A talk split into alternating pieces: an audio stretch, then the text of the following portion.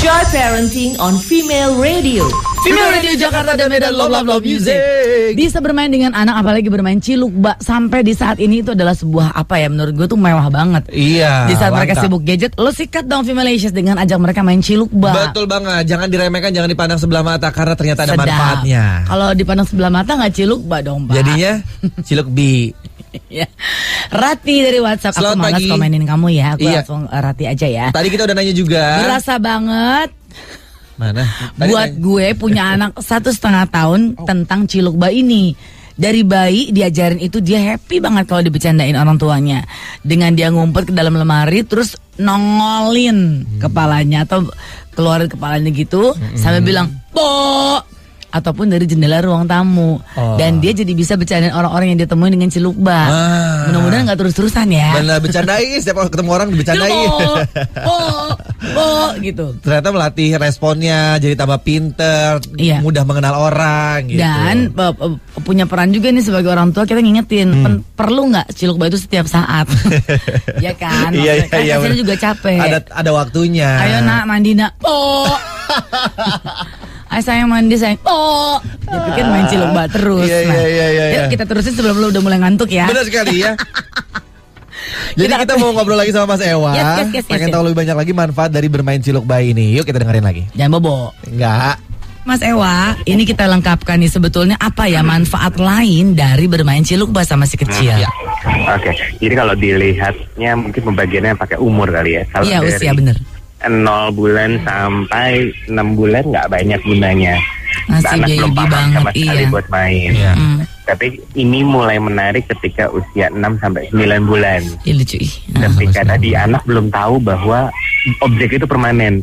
Bahwa kalau dia nggak lihat berarti objeknya hilang. Iya. Termasuk mamanya atau Iya. papanya yang ngajak main. Iya. Jadi ekspresinya akan lebih ke fear, ketakutan karena kehilangan orang tuanya. Hmm. Dan kenapa ketawa? Karena mendadak Ada. orang tuanya ada lagi depan Oh. dia dan biasanya sambil senyum.